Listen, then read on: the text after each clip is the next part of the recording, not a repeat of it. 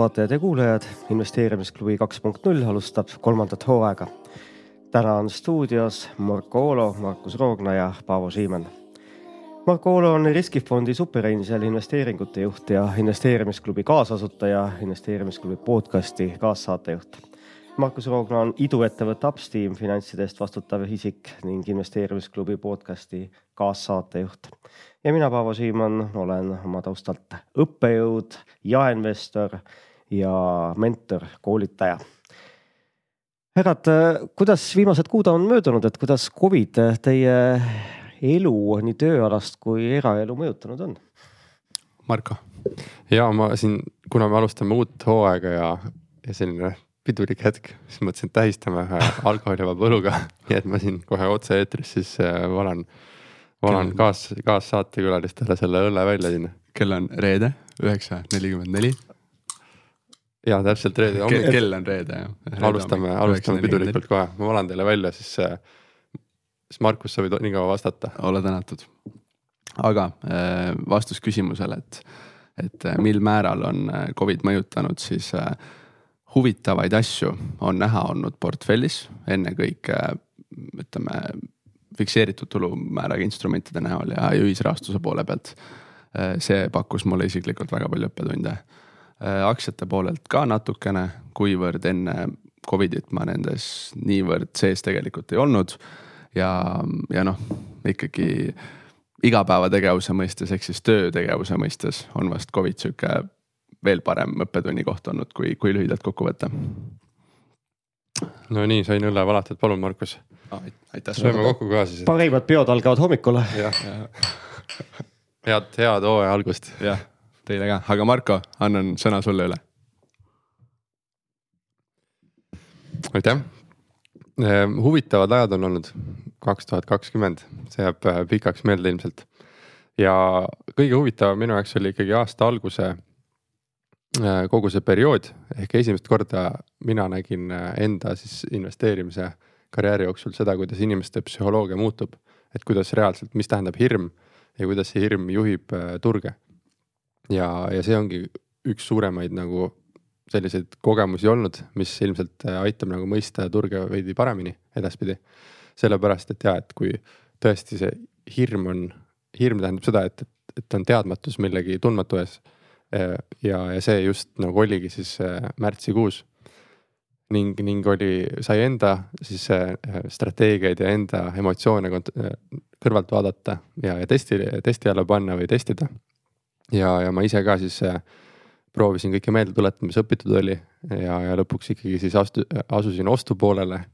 et nii kui noh, kui hirm on kõige suurem ja, ja kõikumised kõige suuremad, siis tuleb osta ja, ja see töötas nagu hästi ning äh, ülejäänud äh, aeg, mis on pärast siis märtsi ja sellist aprilli olnud kuni tänaseni, on selline väga mänglev olnud kogu aeg, et mis nüüd saab, riskid on päris kõrged, võimalusi on nagu vähe. Vahepeal on võimalusi rohkem, kuigi riskid on liiga kõrged ja selline väga palju tuleb tunnetada üldse, mida teha ja, ja miks teha, nii et äh, ma arvan, et sellest saame natuke põhjalikumalt rääkida ka. sa ütlesid, et äh, hakkasid õpitut kasutama, et mida õpitust sa siis täpsemalt ära kasutasid? no Äh, peamiselt nagu ütleme märtsis ma hakkasin siis, ostsin aktsiaid. Läksin turgudele, tegin endale mingi strateegia. kas ostsid juurde aktsiaid või sa üldse sisenesid aktsiaturule? ma ostsin juurde ja, ja ostsin uusi, et mida ma muidu ei plaaninud nagu osta. aga mis olid nagu kuklas olnud, et, et kui tõesti tekib mingi hea moment, siis ma ostan. ja ma tegin kuskile, kuskile kümnele aktsiale tegin sellise plaani, ja, ja kõik strateegiad, et mis tasemetelt ma täpselt ostma hakkan. Ja siis ma hakkasin lihtsalt äh, realiseerima seda.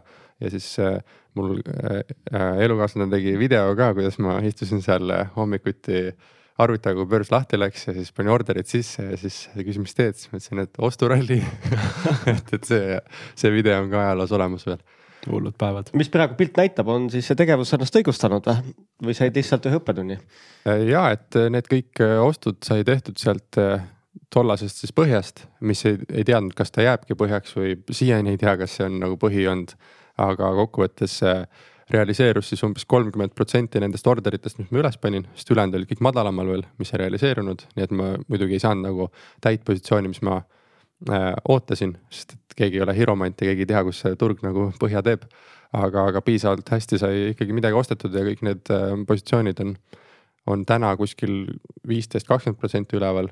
suvel olid siin kolmkümmend viis protsenti üleval, nii et, äh, et äh, võib rahule jääda ja kunagi saab siis mõnel koolitusel või kuskil presentatsioonis ikkagi panna need asjad sisse, et näed, ostsin siin, müüsin siin et sa võtsid need positsioonid pigem siis kauplemise eesmärgil? Tegelikult ma võtsin ikkagi pikaajaliseks hoidmiseks, aga, aga jah, seda väljumisstrateegiat noh, panin sinna, et kus all time high on, et siis, siis ma kaalun nagu üle. aga kuna ma jah, olen aru saanud, et ma kauplemises ei ole nagu väga hea psühholoogiliselt nagu mulle ei sobi või emotsionaalselt, siis, siis ma pigem hoian neid ja ma ostsin ainult ettevõtteid siis, mida ma tahaksingi pikka aega hoida, et ma selliseid spekulatiivseid Covidi oste ei teinud tegelikult. no minu enda seisukohalt, kuna mina olin ühe sellise languse oma portfellis kümne aasta eest juba läbi teinud, siis teid, teid kuulates ma tunnen, et mina võtsin nagu rahulikumalt, sest mul oli see kogemus käes aga samas võib-olla see kogemus ka natukene mind pärssis, et sest eelmisel korral see languse periood kestis kauem. et see oli ikkagi üleaastane periood ja, ja börside see põhi oli märtsis kaks tuhat üheksa, kus oli osturalli. Ja, ja seetõttu ma ei olnud nii äkiliseks muutuseks valmis, et käib jõnks alla ära ja kohe hakkab taastuma, et et ma tunnistan isegi praegu siiamaani, et minu see loogika on pigem olnud äh, raha koguda Eh, rahasse ennast koguda ja, ja siis neid võimalusi otsida. et ma natukene sellisel spekulatiivsel eesmärgil äh, ostsin äh, Novaturast, et, äh, et noh, see peaks ju nagu selles mõttes turism taastuma. Siis mu loogika on nagu see, et inimesed, nii kui see kõik taastub, inimesed tahavad ju kõik uuesti reisima hakata. võib-olla hakatakse vähem äri reisima, sest inimeste digitaaloskused on vähenenud, aga ma arvan, et palmi alla tahetakse ikka minna et, et see oli see mu ees, aga noh, ma natuke liiga vara tegin seda, et äh,. aga jah, muudes kohtades oli see päris äkiline, äkiline, mis siin kevadel toimus minu jaoks, et. sekundeerin täielikult, et äh, mul endal oli ka tegelikult see hüpotees, et äh, Markoga me, ma mäletan, me natuke vaidlesime sel teemal siis, kui oli see sihuke märtsi keskpaik, märtsi lõpp. et äh, Marko oli kohe nagu kuule, et nüüd on see aeg, on ju, ma olin nagu oot-oot-oot-oot, et hold your horses on ju, et, et nagu kuhu sa kiirustad, aga tegelikult tagantjärgi äh, Markol oli õigus, ma ise jäin ka nagu tollel hetkel äh, kätel istuma äh,.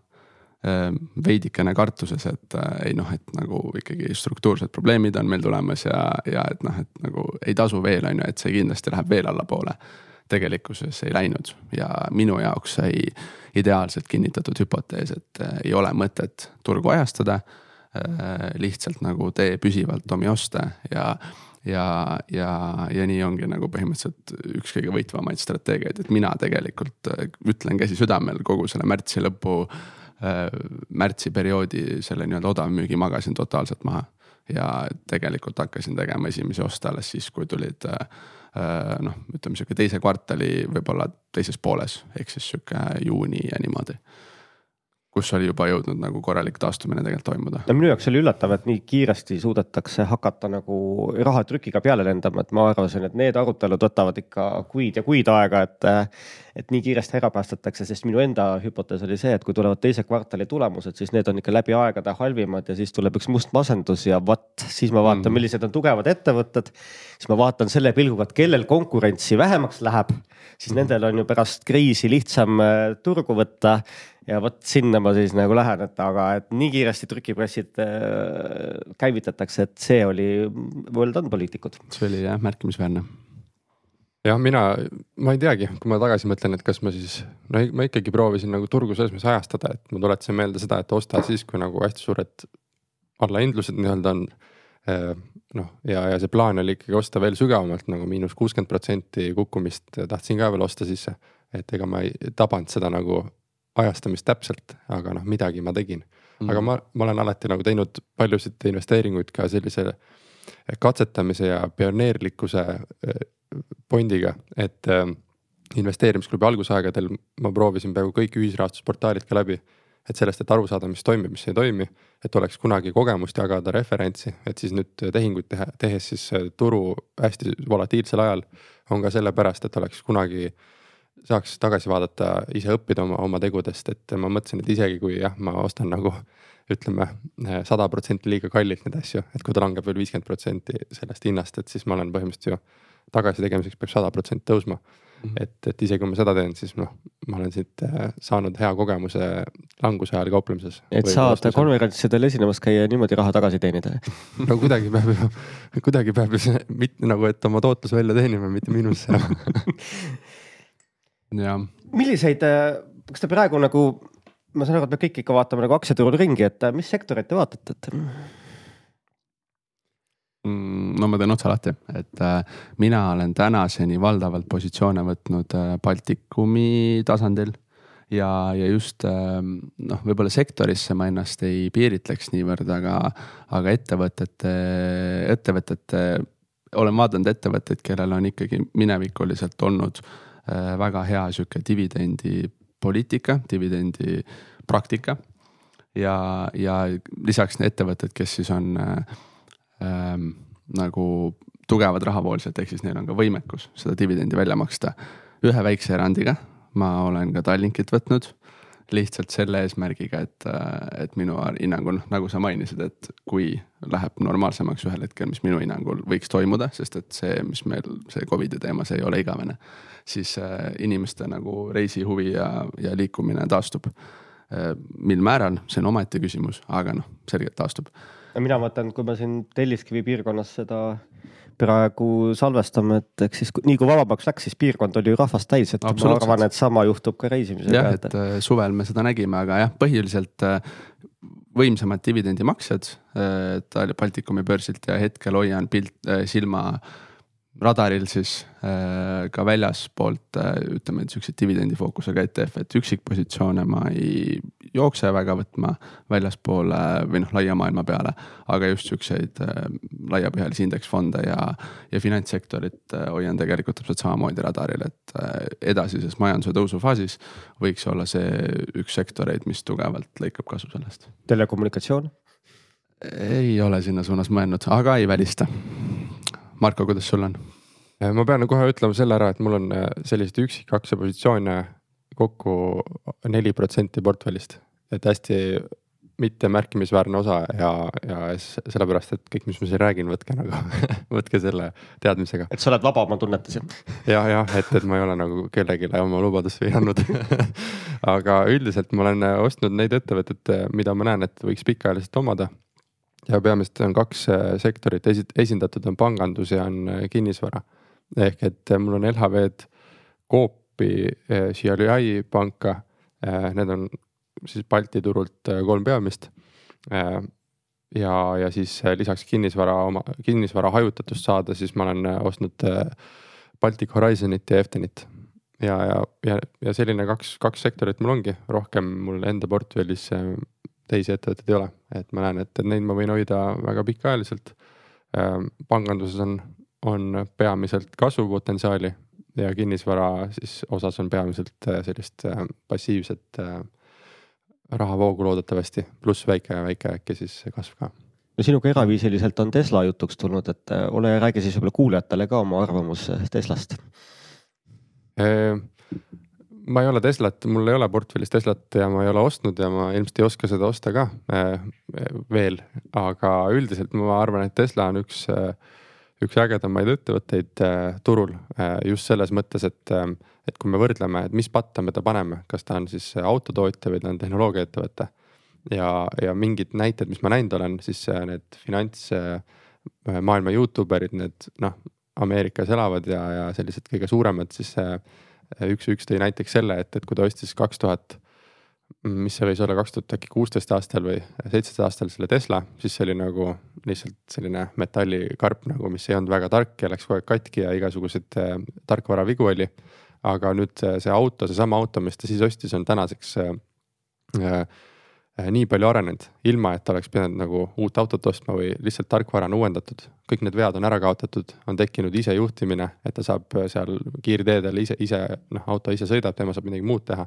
ta ütles, et, see nagu et kujuta ette, et sa ostad ühe auto ja see läheb ajaga paremaks nagu äh, kasutaja mugavuse mõttes, mitte halvemaks, et, et siis seda, seda mõttes hoides siis mõtled küll, et tõesti, et see on nagu midagi revolutsioonilist tegelikult, et sul ei ole, su, sul ei ole auto, mis siis äh, sinu jaoks alati muutub vanemaks, vaid pigem läheb ajas paremaks. ja see on nagu täielik, täielikult uh, uus asi kogu automaailmas ja teeb silmad ette ilmselt. esimene auto, mis ei amortiseeru jah, kuigi noh, eks nendel on oma, oma, oma kasvuraskused igasuguste akude ja muude asjadega. aga põhimõtteliselt noh, nendest saadakse üle mingi hetk. Aga võtame selle teema ka korra läbi, et kui te aktsiaid äh, vaatate, kolleegid, et kui palju te vaatate üldse sellist pehmet poolt, et äh, kui vastutustundlik, jätkusuutlik, roheline see ettevõte on? sõltub minu jaoks ettevõtte faasist kui ma vaatan noh, ütleme võib-olla laiendame seda teemat natukene osaluspõhistele investeeringutele, et kui ma vaatan iduettevõtteid Äh, siis noh, mida, mis numbreid sa seal vaatad, et kas miinus on suurem ühel kui teisel või? et noh, nagu naeruväärne. ikka vaatad, kes kõige rohkem raha kulutab. jah, noh jah, jah, et noh, seal ütleme selgelt see pehmete osa, pehmete väärtuste osakaal on nagu suurem, et äh, visioonid või tiimi nagu dünaamika, kõik see pool, et mis on sihukene nii-öelda kvali, äh, kvalitatiivne data kindlasti suurem osakaal seal, aga kui me räägime äh, Äh, noh, ikkagi suurematest ettevõtetest, potentsiaalsetest dividendimaksjatest. Äh, noh, isegi võib-olla mitte dividendimaksjad, aga noh, ikkagi suured börsiettevõtted, siis seal on selgelt numbritel suur osakaal, et. et seal on ajalugu tekkinud esiteks ja, ja noh, seal on selles mõttes on see numbrite game ja mate, numbrite game, numbrite mäng ja matemaatika, et okei okay,, et kas sul päeva lõpuks nagu jääb alles midagi, millest dividendi maksta ja mis on see nagu kulude-tulude dünaamika, et et äh, jah, lühike vastus, äh, väiksemad ettevõtted, iduettevõtted, palju rohkem kvalitatiivsust. ja, ja suuremad ettevõtted, dividendimaksjad, siis läheb asi kvantitatiivsuse suuna, suunda. Äh, ma tahaks sinu käest ka kuulda pärast seda vastust, aga, aga ma vastan ise ära, et, et kuna mul on hästi väike osakaal nendes Balti börsi ettevõtetes ja, ja mõned USA omad on ka, siis üksikaktsiatest rääkides Äh, siis seal ei ole väga palju valikut hetkel noh, Balti turul vähemalt, et osta midagi väga rohelist, äh, mis oleks nagu, millel oleks kas siis passiivse rahava potentsiaali või, või väga suurt kasvupotentsiaali. et äh, ma ei tea ka, kuivõrd Ignitis või on Ignitis ta nimi jah, et kuivõrd see on siis nagu roheenergiale suunatud ettevõte versus nagu vanakooli energiaettevõte. et, et mul ei ole, aga samas teisalt idu, idude valdkonnas, et ma panustan iga päev põhi oma, oma päevast siis nagu ka sinna tehnoloogia valdkonda. ja mul portfellis paratamatult on see osakaal kasvanud päris suureks, mitte sisse pandud raha arvelt, vaid selle siis oletatava turuväärtuse arvelt. et siis selles valdkonnas on see üks peamisi asju, mida ma vaatan ka ja ma näen, et vaadates trende Euroopas, siis ma arvan, et, et kolm asja on idude puhul lähima viie aasta jooksul nagu kõige olulisemad, kui sa hakkad iduinvesteeringut tegema, üks on see, et sa vaatad meeskonda kes seal taga on, mis nende track record on, nende võime seda ettevõtet äh, teoks teha, seda ärimudelit rakendada. teine on äh, äri iseenesest, ärimudel, äh, unit economics, kuidas nad raha teenivad, kui palju neil kasutajaid on ja kuidas nad arendavad seda äri ja top kolm, kolme sees on ka impact ehk et millist maailma nad ehitavad. ja, ja, ja suurem raha hakkab sinna liikuma, kus need kõik kolm asja on nagu täidetud. nii et seal maailmas me ise ka noh, igapäevaselt tööl, pluss ise, ise tehinguid tehes vaatan seda päris tugevalt. Paavo, mis äh, sinu filtrid on? no ma olen Markoga nõus, et võib-olla see on nende küpsete ettevõtete puhul, et see minu loogika ongi pigem see, et kas on midagi, mis paneb äh, lõpetama mind selle ettevõtte analüüsi. ehk siis, et võib-olla ma ei otsi seda, et kas tal on erassida rohkem, aga ma vaatan, et kas on mingisugune äh, mingisugune noh, nagu inglise keeles öeldakse showstopper, et, et midagi seal pehme poole pealt hakkab mulle vastu, et ma sellepärast jätan nagu ostmata, aga see ei ole jah kindlasti tegevusala, vaid pigem siis ettevõtte suhtumine ja kommunikatsioon ja, ja, ja see pool. aga me tulime siia idude maailma, ma saan aru, niimoodi sujuvalt juba üle, et, et ma tean, et Markus on meil siin igapäevaselt idude maailmas sees, et no, sa tulid korporatiivmaailmast, et oli väga niisugune suur muutus või, või mitte no ikka suht öö ja päev on. aga mm, jah, suht öö ja päev on. Ma ei oska rohkem midagi selle kohta öelda et ennem töötasid päeval ja nüüd öösel või enne töötasin päeval, nüüd töötan kakskümmend neli tundi. Et äh, no ops tiimi, et kogu näiteks ühes firmas, et nüüd siin sees olles äh, ülesehitamine, et kas analüüsid neid iduettevõtteid kuidagi teistmoodi ka või mis sa teistmoodi teed, kui sa oma portfelli kujundad, ähm,? ma oskan või noh, mida ma nagu näinud olen ikkagi, et, et noh, selles faasis on numbrid nagu toredad, numbrid räägivad sulle midagi, aga veel, veel, veel, veel ja veel rohkem enam on äh, väärtus sellel või nii-öelda analüüsi moment sellel, nagu Marko juba mainis, et see tiim ja võimekus seda, kas sel tiimil on võimekus seda ära teostada ja tegelikult äh, see trendide pool ka. et, äh, et noh, kui sa ikkagi nii väikse ettevõttena ujud noh, trendi mõttes või jah, noh trendi, võtame trendi mõttes nagu vastuvoolu, siis sa oled niivõrd mõjutatav nagu see, tõstab esiteks riski ja noh, nii olles nii väike, sul nagu kuidagi igasugused tulevased raha kaasamised, asjad, see läheb nagu nii raskeks, et oluline on saada sellele trendile pihta ja siis meeskonna suutlikkus ära teostada reaalselt. mis, et ma ei küsi praegu upstream'i kohta, aga nagu üldistatult, et mis, mis mul on vahel nagu idude puhul jäänud just sellise, kes nutirakendusi teevad nagu mulje, et kas nad ikkagi piisavalt jälgivad, mis nende kasutajad teevad või kuidas nende kasutajad käituvad, et kas nad on oma kasutajatest aru saanud et, et sest äh, programmeerijale võib tunduda, et kasutaja mõtleb niimoodi Mm -hmm. aga ma arvan, et äh, enamik kasutajaid mõtleb väga teistmoodi kui programmeerija või vähemalt osasid rakendusi ma ise kasutades ma olen nagu mõelnud, et äh, okei okay,, et. mulle tundub, et vist IT-kodanik mõtles nii, aga, aga mul läks aega, et sellest nagu aru saada, et yeah. mis see sinu kogemus on? see on tegelikult läheb selle tiimi tugevuse alla, et tiimi eesmärk on, eks ole osata töötada dünaamiliselt niimoodi, et noh, põhimõtteliselt product owner või keegi analoogne nagu saab aru, mis see nagu äripoole vajadus on. ja, ja, või noh, kes iganes siis tiimi poolelt on ju, saab aru, mis see äri, äripoole vajadus on, kasutaja mugavus, kõik see pool. ja ta peab oskama selle siis tõlkida arendaja keelde niimoodi, et sealt tuleb ka reaalselt see lõplik nagu hea kasutajaliidesega toode või, või äpp või mis iganes widget välja, on ju et äh, minu jaoks see kvalifitseerub puhtalt sinna tiimi ja selle kogemuse alla. ma võin lisada siia, et, et ma arvan, et kõige suurem põhjus, miks varase faasi ettevõtted äh, ei, ei saa edukaks või panevad uksed kinni, on just see product market fit, et toote ja turu siis see sobivus omavahel. ja see enamasti läheb sinna, et kellele toodet ehitatakse, peab, ehitama kliendile. ja, ja see ongi sellise uue ajastu toote arendamise põhitees, et tee, tee asju siis kliendile suunatult ja andmetepõhiselt, et sa kogu aeg jälgid, äh, mida kliendid soovivad ja, ja jälgid seda siis kvantitatiivselt, ehk et sul on kogu aeg piisav arv nagu numbreid ka, et see oleks, äh, et kui sa teed teste, siis need oleks kõik äh, siis äh, piisavalt tähtsuselt nagu significant äh, need tulemused. et sa ei arendaks siis ühe inimese arvamuse järgi, vaid sa vaataks, mida, mida üldine kasutajabaas tahab. ja siin on kindlasti siis märksõna ka, et kasutajad versus maksvad kasutajad. et siis tuleks arendada maksvatele kasutajatele. sest et tasuta arvamusi on hästi palju ja need ei pruugi olla need asjad, mille eest makstakse lõpuks mm. -hmm sina, Marko, said äh, kevadel parkinguga juhtinvestori kogemuse ka, et äh, mis see sinu investeerimisteekonnal on muutnud, et? Äh, see on suurendanud iduettevõtete osakaalu minu portfellis, esiteks. Aga, aga teisalt äh, on jälle üks, üks nagu aktiivne mõtlemise koht päevas juures, et, et kui muidu võib-olla kaalud seal, mis ühisrahastuses teha, mis aktsiates teha, mis ETF-e osta, kas kolmas sammast osta või, või nii edasi, et siis täna üks asi on kogu aeg juures, et, et kuidas aidata sellel äh, Äh, ettevõttel ka areneda ja, ja siis kohtud äh, meeskonnaga pidevalt, mõtled strateegiat, mõtled, kuidas liikuda ja see paneb ennast nagu. kui ma igapäevaselt olen nagu töö mõttes olen siis investor rollis, siis ma saan korraks olla iga nädal ka siis ettevõtte tiim nagu selles teises rollis. mis see sinu positsioon on, et kas sa vahel ütled, et kuulge poisid, teeme niimoodi või sa seda vastutust nagu juhtinvestor ei võta, et, et nad peavad ikka ise otsuse langetama? Ma arvan, et jah, et ma nagu jagan enda mõtteid, enda kogemusi, arvamusi annan edasi, aga, aga ma jätan alati ikkagi lõppotsused tiimi teha, sest et äh, muidu ei oleks see tervislik.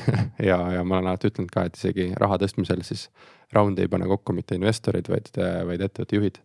et ja otsuseid peavad lõpuks ka tegema ettevõtte juhid ja ettevõtte meeskond, et siis äh, me saame kokku, anname ideid, ma ütlen alati, et kaalu nüüd läbi, koguda ise arvamusi veel juurde ja siis paneme oma, oma, oma, oma arvamus kokku. no sina, Markus, seal idude poole peal, et sa suhtled ka investoritega, et äh, kui palju Upsteami näite puhul investorid kaasas on igapäevaselt, et? sõltub, et ma arvan, et äh, suuremad investorid kindlasti on, kellel on nagu suuremad summad Upsteamis äh, sees. igakuisel tasandil ma arvan, kindlasti nad on. väiksemad investorid, noh, ma arvan, pigem mitte nii väga. Kui seal omanikud kirjutavad, et te saate meid aidata selle, selle, sellega, et kui palju reaalselt siis investorid reageerivad, et? Äh, pigem mitte liiga palju, et noh, samas see on ka ootuspärane, et, et noh, kui me räägime fondidest, kes meil sees on, siis noh, neil on igapäevaselt nagu oma äh, tegevusi, toimetusi, teisi portfelliettevõtteid, nad ei saa nagu ainult upstream'i järgi joosta ja teha, võimelda, on ju ja noh, samamoodi ma arvan ka väikeinvestorid, väiksemad investorid läbi Funderbeami on ju, et noh, nende jaoks on see ikkagi üks mitmest investeeringust ja, ja noh, et meil on tulnud nii-öelda neid äh, igasuguseid soovitusi, nõuandeid, selle, nendest on väga palju abi olnud, aga jah, ma arvan, et ikkagi valdaval, valdavasti enamusest läheb see mööda kui see alustav investor, kellel portfell veel väga suur ei ole, et kui suureks te seda idude osa soovitate? see on, see on kuum teema vist. kuum teema jah. ja et noh, ma ikkagi ütleks, et, et ta võiks olla võrdlemisi väike, kui eriti, mida kaugem sa oled nagu aktiivselt oma tegemistes ka idudest, siis seda väiksem võiks see sinu portfellis selles mõttes olla, et et mitte panna märkimisväärset osa ähm, siis äh, selles sektorisse, millest sa tegelikult aru ei saa või kus sul ei ole ligipääsu piisavalt paljule valik, valikule ka. et siis vähem, et äh, mis, mis see on, mis need klassikud ütlevad, äh, viis protsenti netoväärtusest või kümme protsenti maksimaalsest netoväärtusest. soovitab see Jason Kalakanis. Ähm, ja, ja inimesed, kes siis hakkavad rohkem aktiivselt kätt külge panema ja saavad seal mingi eelise kas siis tänu sellele, et talle pakutakse huvitavamaid investeeringuvõimalusi või siis ta saab aktiivselt kaasa rääkida, arutada, siis, siis see võib, osakaal võib suuremaks minna minu see on, see on nagu minu arvamus. ma lisan selle mõtte, et noh, tuues nagu enda näitelt numbreid mängu, siis ma olen endal sihiks võtnud äh, maksimaalselt kakskümmend protsenti portfellist. noh, see on ka tegelikult ikkagi, ma ütleks, et võib-olla päris suur Äh, aga põhjendus on see, et ma olen ise noor, ehk siis mul on aega veel nagu äh, uppi lennata omadega ja siis uuesti üles ehitada. Ja teiseks on see, et noh, ma olen ise selles valdkonnas nagu sees ja mind huvitab see, ehk siis see on sihukene nagu kirg ka mõnes mõttes aga noh, mida ma kindlasti tahan öelda, et äh, olles näinud seda valdkonda nagu seestpoolt nüüd tänaseks umbes üheksa kuni kümme kuud, siis äh, jah, igal pool meedias räägitakse edulugudest äh,. räägitakse sellest, et meil on Transferwise'id, miljard ettevõtet, Boltid ja nii edasi. nii see on, aga see valdkond on nagu pagana riskantne et see on nagu see mündi teine külg, mida tuleb, mida tuleb nagu meeles hoida. ja, ja noh, ongi, et, et, et võib-olla, mis mulle vahepeal tundub, et investorid kipuvad selle meedia ja selle üleüldise fooni taustal nagu ära unustama, mis see mündi teine külg on, et siin me ei räägi sellest, et sul investeering äh, võib-olla kaotab börsil kriisi ajal kakskümmend, kolmkümmend protsenti väärtusest, siis kunagi tõuseb tagasi, et äh, siin nagu me võime rääkida sellest, et äh, sul on kogu investeering läinud. Ja, ja nii ongi no mida me peamegi iduettevõtete puhul silmas pidama, et noh, et mis see suhe on, et lendab üks kahekümnest ja ma tean, et äh, siin äh, talvel kuulasin ühte Hiina iduvõtjat, kes ütles, et tal on portfellis ligikaudu kuus tuhat iduettevõtet. sellest natukene alla viiesaja on edukad aga nende edukus korvab kõikide ülejäänute viie tuhande viiesaja miinuse. et äh, mis tähendab seda, et kui sa nii natukese osa sinna portfelli paned, et noh, näiteks kakskümmend protsenti, et siis midagigi kätte saada, sul peab siis olema kakskümmend ettevõtet, üks protsent portfellist. jah, jah, no põhimõtteliselt jah, et eks ta niimoodi numbrite mäng on, et mul küll ei ole sellist asja, et mul on äh, iduettevõtetest täna on portfellis täpselt äh, kaks ettevõtet. mõlemad on siin äh, laua taga vestluse käigus juba kõlanud ehk siis upstream ja parking. ja vaikselt vaat-, vaatan juurde ja hoian silmi lahti, aga noh, selles mõttes, et äh, kui tahta nagu seda asja nagu õigesti teha, ideaalset portfelli selles vallas üles ehitada, siis see on see viis. Äh, mis suunda kindlasti peaks tüürima, et sul on palju erinevaid ettevõtteid ja noh, reaalsus on see, et tegelikult väga väike marginaalne osa nendest pikemaajaliselt hakkab lendama mida sina, Paavo, arvad sellest äh, kuumast debatist äh, Balti börs versus siis äh, Balti iduettevõtted? ma arvan, et äh, ma saan aru, et siin on mõlemal valdkonnal on nagu oma fännid et mida ma võib-olla kommentaariks ütlengi, et äh, vahel äh, juhtinvestorite neid selliseid tekste ja postitusi lugedes, et natuke vahel tuleb nagu tahtmine, et selles vist, kes veel ajalehte loeb, siin on kirjutatud väikselt sisuturundus et, et, et, et Facebook võiks ka selle kasutusele võtta, selle sildi, et, et mina arvan, see klassikaline põhimõte on see, et kui saa aru, siis mitte kumbki. et kõigepealt äh, tee asi endale selgeks ja noh, mida sa Marko iduettevõtete kohta siin ütlesid, et siin mõnikümmend minutit tagasi, et mida vaadata, et seda tulebki ikkagi vaadata, et mitte ainult ühte juhtinvestori postitust lugeda vaid ikkagi oma peast läbi mõelda, mida need inimesed enne teinud on äh, ja, ja kas sellel asjal üldse turgu on, kas keegi nõus maksma ka on, sest võib-olla turg on, aga keegi pole nõus maksma, et. Ja, ja Balti börsil või börside puhul üldse, et eh, ikkagi osta ettevõtteid, mis vastu peavad, et tee endale sellise fundamentaalanalüüsi baastööd selgeks. ja, ja siis hakkama investeeringut tegema, et see, kui naabrinaine soovitab või keegi kuskil eh, lihtsalt soovitab, et seda on nagu liiga vähe, et. et eh, tee selgeks see keskkond, kus ettevõte tegutseb, vaata, kes need juhid on ja vaata selle ettevõtte raha teenimise võimet. ja just praegu ongi, otsi neid kohti, kus äh, konkurents läheb tihedamaks ja, ja need, kes on sellest kriisist nagu võitjad, et. et siin ei ole tegelikult küsimus selles, et kas üks või teine, vaid -hmm. vaid mõlemal on. minul on mõlemat. mõlemad oma funktsioon, täidavad oma eesmärki täiesti, täiesti selles mõttes erinevad asjad, et, et jah, et kui Evel, kui mõelda seda sisuturunduse tag'i siin juures, siis sa üldse võrdled ju tegelikult lõpuks seda, et mis su aktiivne töö on ja kus sa investeerid, need on kaks täitsa erinevat asja mm. -hmm. no siin tekib ka see küsimus, et äh, noh, et okei okay,, et kui sa oled Funderbeamist ostnud neid ja seal on see järelturg, et noh, et kas sa ikka kajastad seda oma finantsaruannetes siis seda, kui on positiivsemaks läinud, et äh, ja nii edasi, et siin natuke noh, niisuguseid raamatupidamislikke mõtlemisi on ka taga, et, et et börsi puhul nagu see kajastamise tunne on nagu kindlam, et see on nagu kindel, kindel järelturg, aga mm, -hmm. aga seal Funderbeami puhul võtab natuke, eks ju, vahel mõtlema, et okei okay,, siin on nüüd küll juurde tulnud, aga noh, positiivne on teada, et investeering ei ole alla tulnud mm. -hmm. aga kas ma seda üldse oma tuluna näitan, et sest noh, mina isiklikult esimese asjana oma noh, ühe näitena vaatan tegelikult seda raha, mida ma olen teeninud, et see, mis ma paberi peal teeninud olen, et see mind nii otseselt ei huvita, et. et, et see divi, dividendi pool, et no muidugi dividendidega nüüd tuleb natuke oodata, et ma ei tea, mis me arvame, et kui kaua siis dividendidega nüüd oodata tuleb, et see aasta dividende väga ei makstud ja järgmisel aastal äh, ja, makstakse arvatavasti vähem, et äh, ja. millal see võiks taastuda, et. ma arvan, et see on äh, ah, selle ära, et, et siis ma saan enda vastuse ära ja siis saate pikemalt arutada selle et kuna mul on nii vähe neid ettevõtteid portfellis osakaalu mõttes ja see dividend veel osadel noh, LHV ja Coop ja need ei maksagi väga midagi. et siis kokkuvõttes ma sellele väga lootma ei jää, et mujalt tuleb passiivse tulu osakaal muudes varaklassides on lihtsalt äh, kümnetes kordades suurem, nii et mul ei ole isegi mõtet lugeda neid väga.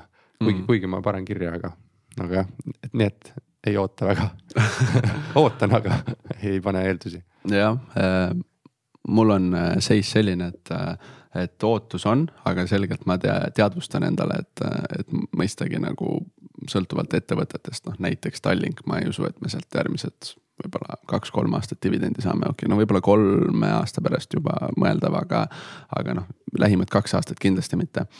ja ka muude ettevõtete puhul ma arvan, see potentsiaal on selgelt madalam vaadates ka juba kvartali aruannetest ja kommentaaridest, noh siis ettevõtted on võtnud konservatiivsema fooni äh,. Läheb noh, selline Covidi sündmuste tõttu, et isegi kui võib-olla ettevõte nii otseselt pihta ei ole saanud äh, märkimisväärselt, siis äh, noh on lihtsalt see teadmatuse tõttu.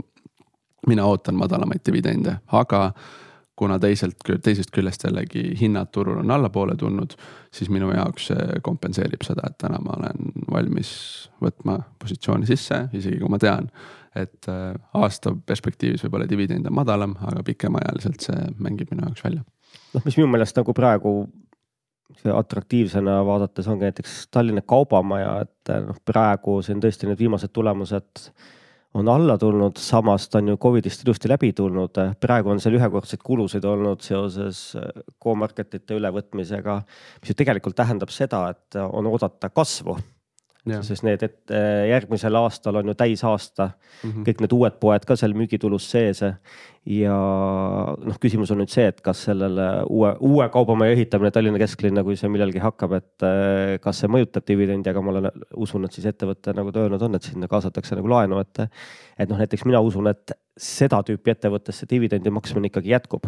võib-olla natukene jahutatumal kujul, aga ma arvan, et oleks noh selle ettevõtte kuvandi mõistes mõistlik, et nad ikkagi jätkaksid dividendimaksu, aga noh, samas ja. jah, Tallinkil ma usun, et on no,, seisab taastumisperiood ees, et aga ma usun, Tallinki turundusosakond oskab kindlasti head tööd teha, et see võimalikult see taastumine, kui see siis niimoodi keskkond seda lubab, et see võimalikult kiiresti toimuks. aga noh, meil on ju ka veel Tallinna Vesi, Tallinna Sadam, niisugused Tallinnaga algavad ettevõtted, et siin koduturul, et nendel tasub ikka silma peal hoida, et.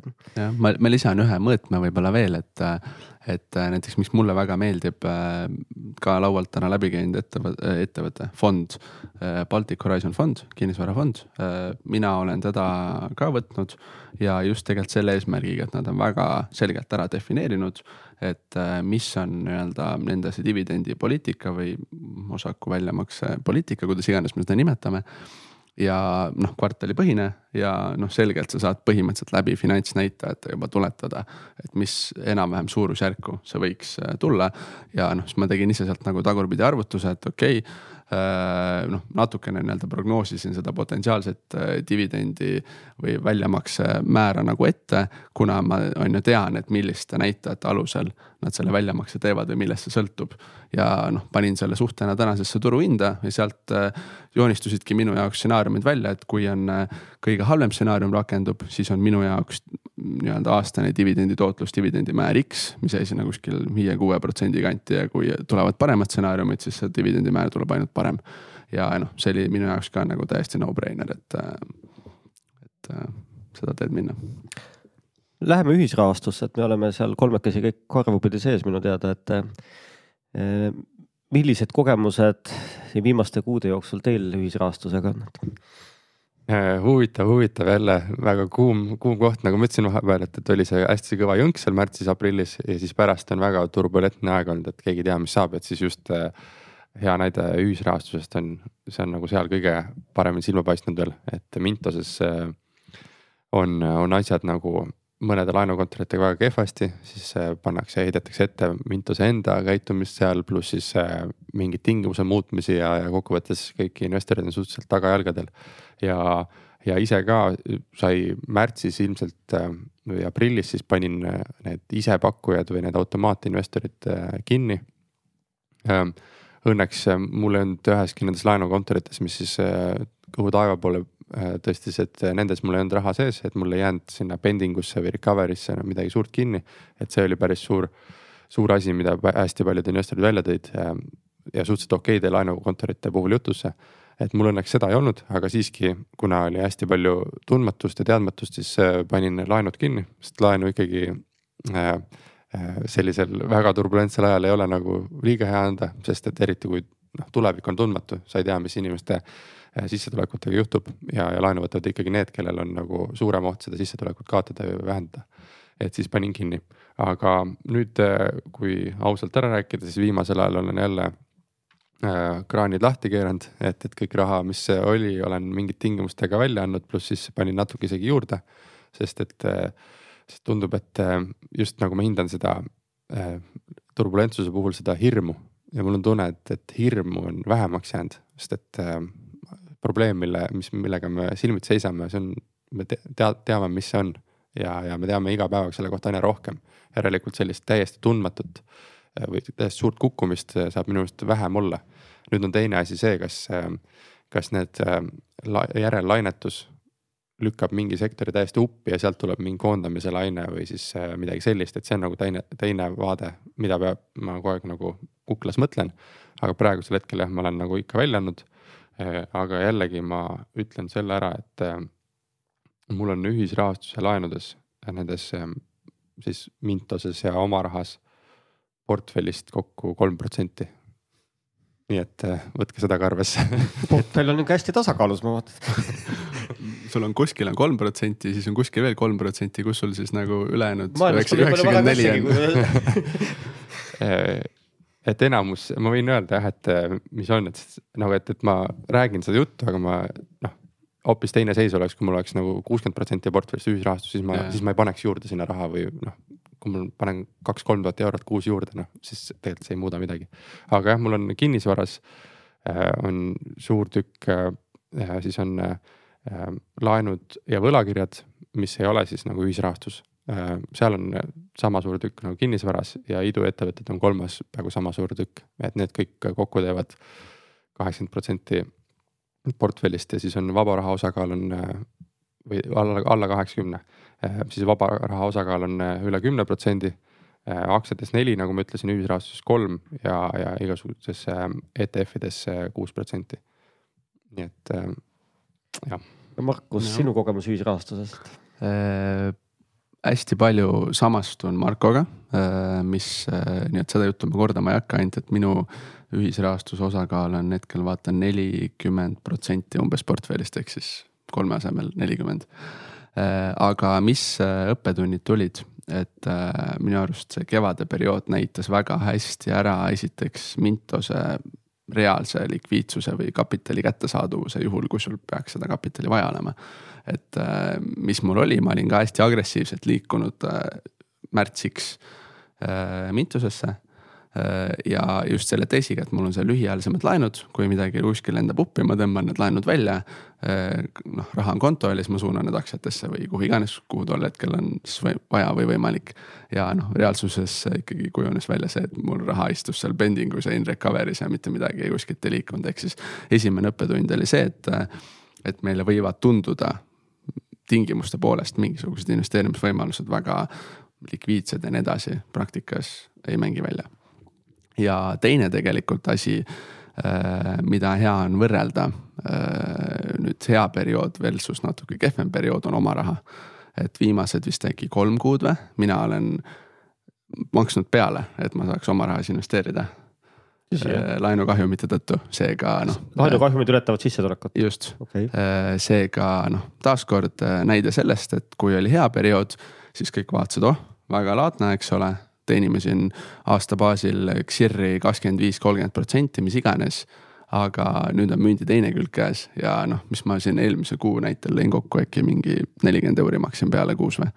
et, et noh, see on nagu selgelt see, et tegemist on tagamata laenudega mida mul seal läbi oma raha portfellis on. seal on osaliselt ikkagi tagatud? no osaliselt tagatud, aga noh, selles mõttes, et jah, minu jaoks ikkagi praegu see on osutunud äh, sihukeseks äh, kallima, kallimaks hobiks kui mõni teine hobi. No me räägime siin jah samadest portfellidest, et äh, Mintose puhul äh, minul äh, mina kasutasin ka Mintuse neid lühiajalisi laene, neid ühe-kahekuulisi just, et, et ma väga palju sulas ei hoia. Et see on nagu see hea koht, et kui vaja on, on likviidne positsioon kiirelt likvideerida ja aga siis juhtus äh, Armeenia juhtum, noh, mis pani kohe mõtlema, et ikkagi, et kui sa siin selliste põnevamatele turgudele sisened, ükskõik siis läbi portaali, et sa pead ikkagi sellise regulatiivse riskiga arvestama ja kus ei ole sellised, ma ei tea, Euroopa Liidu seadused, vaid ikkagi keegi kuskil ütleb, et täna me paneme sinu äri kinni, siis see juhtub. Yeah.. ja, ja siis vaata ise, kuidas seda välja saada. Et noh, positiivne on olnud, et sealt on, ma pean tunnistama, minul on nagu ilusti tagasi tulnud, et ma olin nagu pikemaks Eh, pikemaks eh, selliseks raha kinnihoidmiseks kinni, aga no mõtlema ta pani just nende selliste põnevamate turgude osas, et noh, Aafrikasse ma pole kunagi julgenud seal panna mm. -hmm ja, ja et see Armeenia ja natuke Moldaaviat ongi olnud need võib-olla minu jaoks kõige ekstreemsemad kohad, mida ma seal olen valinud, et muidu mul on ikka Eesti ja Läti olnud. see on huvitav muidu, et, et sa hoidsid äh, sellist äh, lühiajaliselt nagu raha või likviidsemat raha seal. et siis, kui sa mõtled seda, et kas ma hoiaksin Armeenia pangas äh, mingi deposiidis raha, siis ei hoiaks, aga mitmeses laenudesse paneks ja sest noh, on, on, see on see mineviku muster, et on toiminud. Ei, toimis väga hästi, aga vot see ongi see point, et äh, ühisrahastuse puhul nüüd me nägime seda, seda tsükli nagu teist poolt, et kui sa mõtled, ühisrahastus pakkus, äh, on pakkunud kümme pluss protsenti tootlust või on lubanud kümme pluss protsenti tootlust ja on pakkunud ka. Ja kohati isegi neliteist protsenti, kakskümmend protsenti ja mõnel oskuslikul investoril kuni kolmkümmend protsenti. Ja, ja kui sa mõtled, et, et inimesed on võtnud seda nagu enda põhiõigusena või et, et, et seda peabki saama, aga sellist tootlust ei ole võimalik ilma riskita saada ja mingi hetk need riskid peavad realiseeruma ja siis nüüd see aasta ongi see näide või eelmise aasta lõpp ka, kuidas hakkasid need riskid realiseeruma, et, et ja, ja kuna see sektor on nii noor, ähm, ütleme seitse aastat, äh, osad vähem, osad rohkem, osad portaalid rohkem.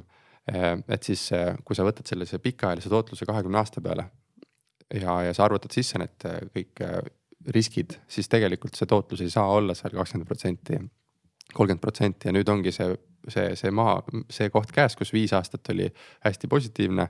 nüüd see aasta, järgmised aastad on, on mõnes kohas maksad peale mm, -hmm. mõnes kohas mingid asjad lähevad hapuks, selle peab maha kirjutama ja siis saamegi kätte sellise pikaajalise tootluse, mis tuleb ikkagi sinna äh, ütleme alla kümne protsendi tuleks nüüd indeksfondi panna või? et, et noh, lihtsalt, et võrdluses, et, et sul ei ole kohta, kus sul on riskivabalt saad lihtsalt äh, viisteist protsenti tootlust teha.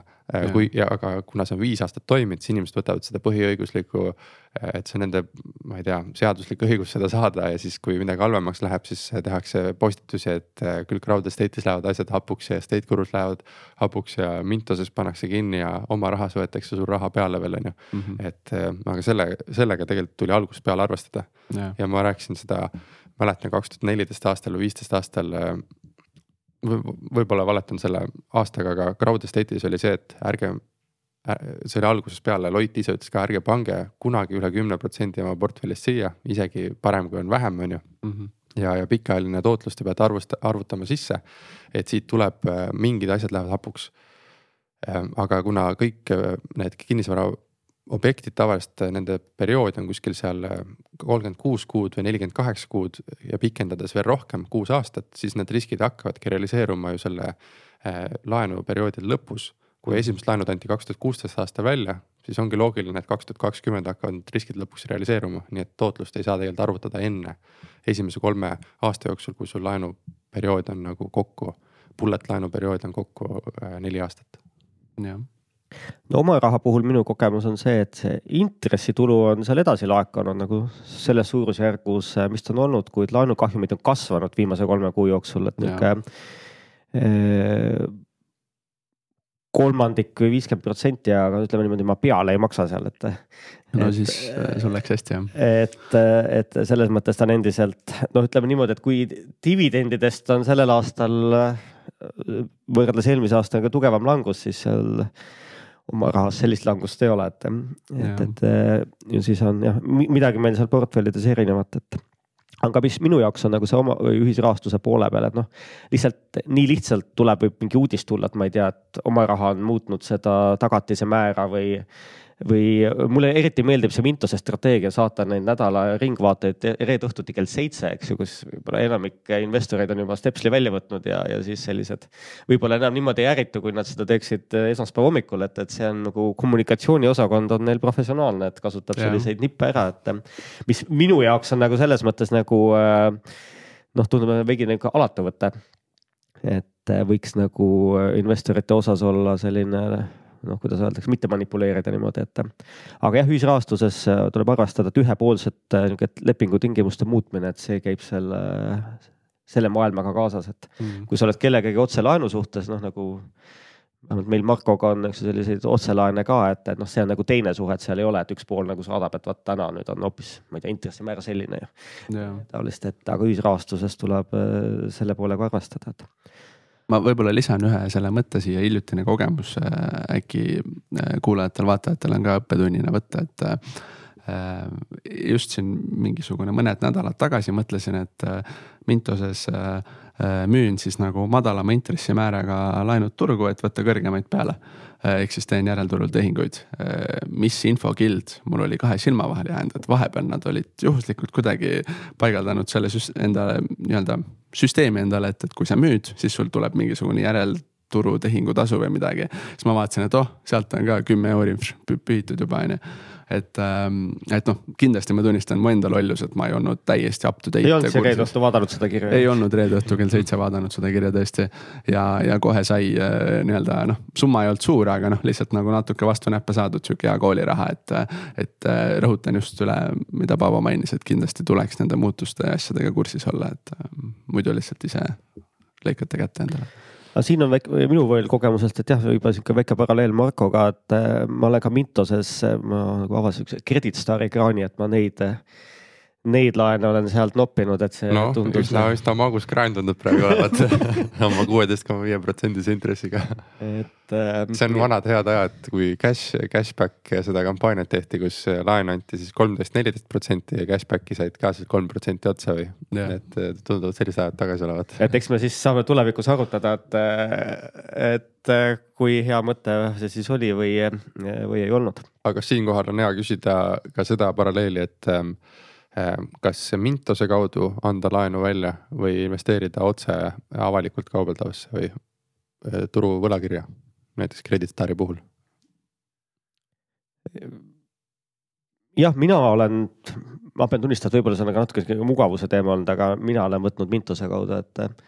et ma pigem tunnistan, et lihtsalt, et ei teki veel ühte hallatavat objekti, et, et kõik on nagu ühes portaalis, et mm. -hmm ma olen võtnud passiivsuse mõttes äh, ka võlakirja juurde, et lihtsalt on äh, noh, väga noh, selline fikseeritud tulumääraga instrument, äh, väga passiivne, lihtsalt märkimisel märgid ära, palju sa neid soovid, tuleb konto peale. vist on kui peaks midagi halvasti minema, vist on äh, eelisjärjekohas äh, enne, enne Mintost, et siis nagu. intress on, palju see intressi vahe sul oli, et? no oleneb perioodist, praegu on see võlakirja intress on kindlasti madalam kui see, mis pakutakse Mintoses, et tal on kolmteist umbes võlakirjana ja siis Mintoses saad kuusteist koma viis näiteks praegu, samas mingi hetk tagasi sai üksteist, kaksteist on ju, et siis noh, nii ja naa aga kokkuvõttes jah, ma olen mõtelnud välja, et, et kui ma Credit Starile, kui palju raha ma Credit Starile anda sooviks. ja siis jagan ära selle võlakirja ja Mintose vahel, et teen siis nagu fifty-fifty, üks on nagu veidi likviidsem, teine veidi kindlam. Eh, intressivahe siis kõigub kogu aeg. jah, aga muidu ma arvan, et see on väga hea võimalus nagu, et mitte kaaluda. nii, aga lähme saate, saateaeg tiksub armutult, et eh, võtame siis eestlaste lemmikvaraklassi kinnisvara et minu teada siin Marko, sina siin siis sellist kinnisvaraportfelli ehitad üles? ja, ja ehitan üles tänu sellele, et äh, kolin suuremasse kohta ja jätan vana alles. ma ei teadnudki, ma mõtlesin, ma tunnen sind hästi, aga et sa nii aktiivne kolija olid, et see on nagu uus külg sinust, et. ja ma olen olnud, kusjuures see on huvitav, et äh, ma ostsin esimese korteri Tallinnasse kaks tuhat neliteist aastal siis mis ma tegin natuke kinnisvara ajalugu, Marko kinnisvara ajalugu ehm, ostsin korteri, elasin seal siis ehm, viis kuud sees, jõudsin selle ajaga ära sisustada. sain aru, et, et, et tahaks linnale lähemal ise elada või noh, see oli linnas, aga nagu natuke kaugemal Põhja-Tallinnas siis. ja siis ise kolisin tagasi sõpradega siis äh, ühiskorterisse, kus oli nagu kolmekesi elasime ja neli tuba ja siis panin selle üüri. ja siis jõudsin pool aastat üürida, siis, äh, siis müüsin ära. ja siis hakkasin juba uut vaatama, siis siin ostsin järgmise koha. ning mingi hetk panime ka või üürisin selle välja, siis elasime jälle kuskil üürikorteris. siis, siis elukaaslasega elasime veel ühes kohas Äh, siis ostsime järgmise korteri, kolisime sinna, äh, sisustasime selle ära, saime seitse kuud sees elada ja nüüd ostsime järgmise, et, et, et viimase kaks tuhat neljateist aasta, viimase kuue aasta jooksul umbes jah, seitsmes kohas elanud vist. aga ka tänu sellele jah, on mõned korterid nagu või mingi kinnisvara nagu endale kätte jäänud, alles jäänud ja seda saab siis välja üürida ja see läheb siis portfelli. mis see kogemus on, et kui passiivne see kinnisvaraportfell siis on kokkuvõttes või on ikkagi üürniked, üürnikega suhted selline osa sinu ajast? ma olen hästi kehv nagu selline kinnisvarainvestor, et ma ei, noh, ma ei flipi, ma ei osta neid vanu kortereid. ma olen liiga selline OCD või liiga perfektsionist, et ma tahan, et kõik asjad oleks nagu noh, seinad sirged, asi korralik ei kragise kuskilt, põrand ei ole kaldus ja nii edasi. aga kas üürnik on nõus selle kinni maksma, selle sinu sellise pedantsuse? Ehm, no jah mõjub äkki negatiivselt su tasuvusele, et. ei, ma ütlen, et see võib-olla ei ole kõige nagu kasumlikum selles mõttes, et, et kui osta võib-olla neid ühe, ühetoalisi kuskil Mustamäe kuskil selle TTÜ kõrval, siis võib-olla oleks äriliselt nagu parem. aga kuna mulle ei sobi see, siis mul ei ole mõtet seda teha. ja, ja ma olen lõpu, noh lõpuks minu kinnisvara on põhimõtteliselt selline, et ma ostan endale kodu, olen selle enda jaoks nagu noh, elatavaks teinud, kus ma tahaksin elada ja siis, äh, kui ma ise vajadustepõhiselt pean edasi kolima, siis ma jätan selle alles ja üürin selle välja. nii et kokkuvõttes mul on süda rahul, sest et ma tean, et inimene elab täpselt sellises kohas, kus ma isegi tahaks elada. Äh, tootlust äh, ma ei ole nagu arvutanud võrreldes ühe, ühetoalistega, sest ma ei tahaks neid nagunii osta. nii et ma arvan, et mul on lihtsalt, kuna ma saan vanemaks ja mul pere kasvab, siis selle tõttu on, on väiksemad korterid alles jäänud ja siis ise elan lihtsalt suuremas ja ja ma ei kutsuks ennast suureks kinnisvarainvestoriks tänu sellele, et ma pigem, kui ma tahaks kinnisvaras, nagu ma olen tahtnud mingit positsiooni võtta, hajutatust võtta, siis ma ostan Eftenit ja Baltic Horizonit hetkel ja see on nagu minu selline kinnisvara teis. mind hullult huvitab, et, äh, et nüüd sa oled selle jah, noh, põhimõtteliselt terve see kaks tuhat kakskümmend aasta, siis sa oled ka on ju üürinud välja ja nii edasi. et milliseid õppetunde sa juba saanud oled ehm,? sai üürnikku vahetatud ka täpselt kõige sellel mõnusamal hetkel, aga kuna jah, eh, see tees pidas paika, et, et koht, kus ma isegi elada tahaksin. Eh, siis kui ülesse panin, siis inimesed ütlesid ja, et see on nagu üks linna eh, parimaid pakkumisi, et ma kindlasti tahaks ka sinna tulla ja, ja ma ei näinud mingit kadu siis üürisoovis. ja, ja selle tõttu ei, ei mõjutanud see nagu kuidagi, kuigi kuigi jah, hirmsad ajad olid niikuinii, sest kui vaatad, et kuidas kogu kinnisvaraturg nagu mängib, et mm. -hmm. aga jah, ma ei ole nagu jällegi, äh, kui teistes varaklassides oli see, et mul on hästi väike osakaal lihtsalt ja, ja see ei ole oluline, siis kinnisvaras on, on lihtsalt teistmoodi, et ma olen lihtsalt nagu enda jaoks ostnud ja, ja see ei ole oluline, et ma sellega äri teeks. Kuidas sul Paavo kinnisvaraga on? no mina olen jah see nüüd, et äh, ma sellise, minu eesmärk on olnud minu portfell hoida võimalikult passiivne ja, ja üürnikega mehkeldamine sinna passiivsuse hulka minu jaoks ei käi, et vahel, kui ma kuulen ka, et noh, osadel inimestel see meeldib ja see on väga lahe, et neile see meeldib, inimesed ongi erinevad ja see teebki maailma põnevaks, aga minu jaoks siis tulevad ka need tähed B, H, F, kui ma kuulen jälle, et keegi seal sai äh, laupäeva õhtul üürnikult kõne, et äh, külm on. See kõlas hästi, et minu jaoks tuleb pähe PHF iga hetk, kui kellelgi on üüriprobleemid. Et, äh, et see on nagu, see on jah, minu maailm, et, et oleks võimalikult passiivne ja, ja automatiseeritud, et seetõttu jah, sellist ja, ja noh, selle puhul ka, et vaata, kui sa korteri ostad, siis ta on ikkagi selline korralik tükk sinu portfellis, et äh, neid igasuguseid kinnisvarafonde saab ju osta täpselt sellistes osades, nagu sa soovid, et seal see paindlikkus on tunduvalt suurem. ja keegi teine teeb sinu eest selle igasuguse muu töö ka veel ära, et noh, mis mind huvitab, on see, et või noh, mida ma olen mõelnud, et kuidas see ärikinnisvaraturg areneb, et sest noh, kinnisvaraprojekte tehakse ju sellise pika perspektiiviga, sest noh, kõik võtab aega, planeerimine ja ehitamine ja, ja nii edasi, et. aga kui nüüd äh, võib-olla siin osad inimesed ei taha oma kodudest välja ninna pistagi enam, et äh, võib-olla seda kontoripinda enam nii palju ei olegi vaja. et, et äh, mind huvitab jah, et kuhu see turg nagu läheb, et et, et võib-olla niisugused eluasemete järgi on suurem vajadus, sest on vaja ühte lisatuba, kuhu kodukontor üles ehitada, et, et et, et mis need elukondliku kinnisvara ja ärikinnisvara trendid saavad olema, et. kindlasti huvitav teema. ja eks see, eks see mängib välja, aga jah, huvitav selle kinnisvara puhul ongi see, et, et mis ma ise olen ka viimasel ajal mõelnud, on see, et äh, nagu me oleme selles mõttes sarnased, kumbki ei taha nagu ise ehitamas käia või ise haldamas käia, raha sisse nõudmas käia ja nii edasi. et siis on äh, lihtsam äh, osta nagu juba hajutatud fondi, mis maksab sulle lõppkokkuvõttes äh, projekti tootluse mõttes sama tootluse välja. Äh, noh, näiteks kuus-seitse protsenti maksab sulle siis tootlust pluss kapit-, kapitali kasv on ka, et see on umbes sama, mis sa saaksid siis, kui sa ostaksid ise korteri ja paneksid selle üürile. võib-olla siis saad ise isegi, isegi vähem, on ju mm., aga kokkuvõttes jah, et, et ma näen, et kinnisvaras on mõtet siis nagu aktiivselt investeerida siis, kui sul on mingi eelis seal, kas sa ise sul on ligipääs objektidele, sa näed, saad väga häid objekte väga varakult, äh, oskad selles midagi teha. näiteks oled kinnisvaramaakler ise või midagi sellist. või siis, kui sul on äh, endal mingi ehitusfirma kuskilt varrukast võtta, kes äh, inimesed tulevad peale, teevad kiiresti ära. aga, aga muus mõttes nagu meie, kes tegeleme muus valdkonnas igapäevaselt.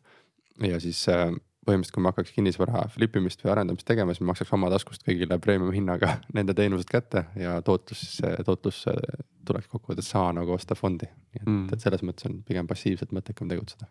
jah, samastan. nii, aga meie tunnikene hakkab siin täis saama, et äh, teeme sellise lühikese ringi, et äh, millel te praegu silma peal hoiate, et äh, kuhu kuhu oma järgmine investeering teha, mis nagu teil jälgimisnimekirjas või radaril on, et? Äh, väga lühidalt kokkuvõttes siis jätkuvalt stabiilsed, tugevad dividendi maksvad ettevõtted, äh, finantssektor ennekõike läbi ETF-ide ja tehnoloogiasektor ennekõike läbi ETF-ide taaskord äh, suunaga siis USA suun poole. ja noh, siis kui tuleb midagi põnevat Funderbeami või läbi mingite muude võimaluste, allikate, siis Äh, samuti olen avatud nendele ka. Äh, praegu on väga keeruline investeerida minu meelest, et äh, just, et mingites näiteks laenudes kindlasti ka sul, Paavo, on nagu pigem raha tuleb rohkem tagasi ja uutesse laenudesse nii nagu uljalt ei anna. võib-olla, ma ei tea, saad ise kommenteerida, et mul on küll olnud, et, et pigem jääb vaba, vaba raha rohkem kätte, aga investeerimisvõimalusi väga häid ei tundu olevat, et kõik on nagu kuidagi liiga riskantne, et, et sama hea on hoida seda raha juba kontol niisama, kui panna sellesse investeeringusse, sest et äh, noh, suurt äh, väljavaadet ei ole. et siis ähm, jah, ma olen ostnud natukene törtsu kaupa neid üksikaktsiaid, mis on hästi märkimisväärne, väga väike osakaal siis ja, ja viimasel ajal mõned võlakirjad ka teinud või, või ostnud, aga, aga neid ei ole ka liiga palju liikvel hetkel. nii et kokkuvõttes pigem raha osakaal suureneb ja head kohta, kus seda panna hetkel ei ole, nii et, äh, nii et põnevusega ootan, et kuidas need turud ja olukord välja mängib ning mis, mis võimalused tekivad. kuidas sul, Paavo? mina, mina vaatan ka selle pilgu, et võib-olla praegu ma vaatan rohkem kahte varaklassi ongi aktsiad, aga kui tuleb mõni hea idumõte, eh, siis ma lähen sellega kaasa. et eh, natukene seda isude, idude osatähtsust suurendada eh, portfellis võib-olla ma natuke võtan kaugemale ringi, et ma tegelikult jälgin vaktsiiniarenduse uudiseid ehk siis ma arvan, et see murdepunkt äh, turgudel võib tulla, kui tuleb nüüd see uudis, et äh, mingi ettevõte on edukalt jõudnud vaktsiiniarendusega neljandasse faasi, ehk siis on see kõige viimane faas, ehk siis inimeste peal tehtavad katsed, no jätame praegu Venemaa kõrvale, eks ju, kes jättis kolmanda faasi vahele ja läks kohe inimeste peale, aga ma mõtlen siis sellised tõsiseltvõetavad ravimi, ravimiuuringud, et et äh, et ma jälgin nagu seda, sest ma arvan, ma pakun, et kui äh, noh, siis küll edasi tuleb lahendada see logistiline transport, kuidas siis kogu, äh, kogu maailm ära vaktsineerida, aga ma arvan, et see psühholoogiliselt võiks olla selline murdepunkt, et kus siis noh, selline emotsioon võetakse, emotsioon võetakse välja, et, et ma tõesti jälgin nagu seda poolt ja sellega seoses mul on niisugune väike ahvatlus, et äh, ma mõtlen nagu ma siin pole jõudnud äh, nagu numbritesse seda keerata, aga, aga mul on nagu siin to do listis lennufirmade aktsiate analüüs, et siis ma arvan, et mingisuguseid lennufirmasid põhja ei lasta. jah, too big to fail.